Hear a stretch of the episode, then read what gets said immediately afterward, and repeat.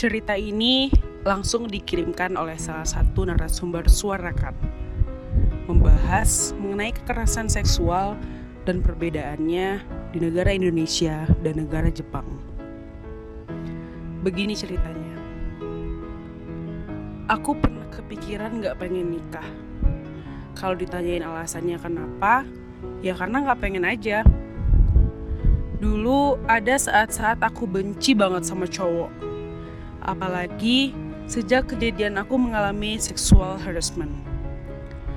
Waktu SMA, aku naik sepeda ke sekolah, terus ada laki-laki yang tiba-tiba pegang dadaku. Aku gak bisa apa-apa, cuma diem beberapa saat, terus aku nangis.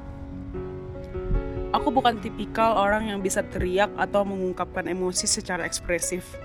Aku cuma diem.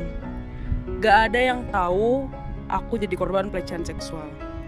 Aku juga gak mau cerita ke siapa pun, aku simpen sendirian.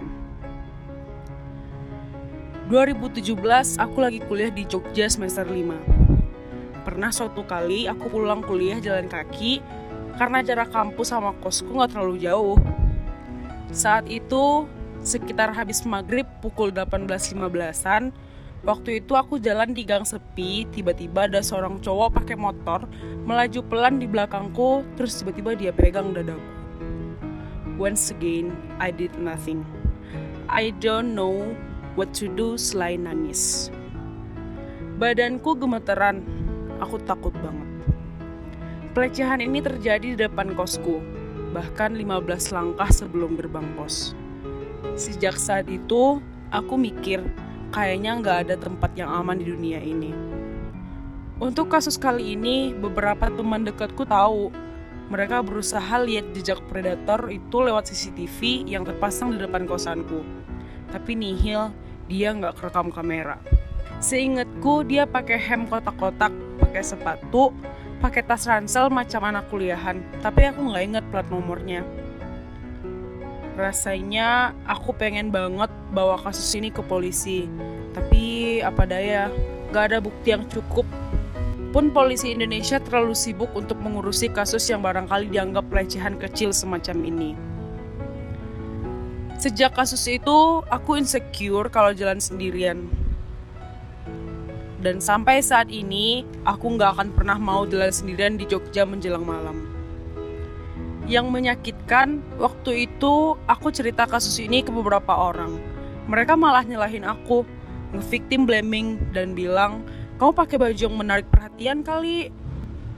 Padahal aku pakai kerudung, baju kurung, kaos kaki, tapi masih ada aja yang bilang kayak gitu. Pakai cadar aja makanya.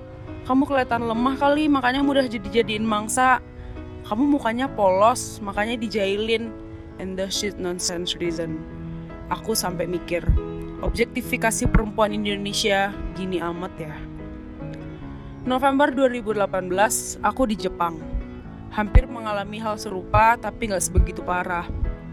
Jadi, waktu itu aku pergi sendirian ke supermarket dekat kampus naik sepeda. Di parkiran, ada dua orang laki-laki. Yang satu sudah tua kakek-kakek, satunya lagi masih umur 30-an gitulah. Awalnya mereka nanya-nanya aku dari mana, kok pakai hijab. Terus aku ngobrol lah sama mereka. Dari mana, ngapain di Jepang, dan lain-lain. Si kakek sempat pegang-pegang kerudungku. Agak ngeri juga sih. Terus tiba-tiba laki-laki yang umur 30-an itu bilang, boleh peluk kamu nggak? Dengan gestur tubuh yang beneran mau peluk. Aku kaget, terus lari ke dalam supermarket dan belanja.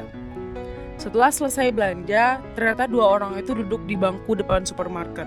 Mereka masih ngajak aku ngobrol. They said something I couldn't understand. Mereka sambil sambil ketawa gitu. Terus ada satu kakek-kakek lagi yang bilang ke aku, udah kamu pergi aja, jangan dengerin mereka. Gerakan tangannya nyuruh aku pergi.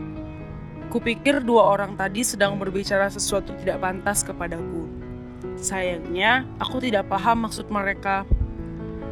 Setelah kejadian itu, aku bercerita ke salah satu teman dekatku. Dia orang Jepang. Dan dia bilang, kejadian yang baru saja aku alami adalah kejadian mengerikan. Dan aku harus melaporkannya ke student center bahkan ke polisi. Sebenarnya aku ngerasa nggak begitu mengerikan sih. Mereka nggak sampai nyentuh aku yang gimana dibanding pengalamanku di Indonesia. Bahkan aku masih bisa menghindari mereka. Esoknya aku membuat laporan ke student center di kampus.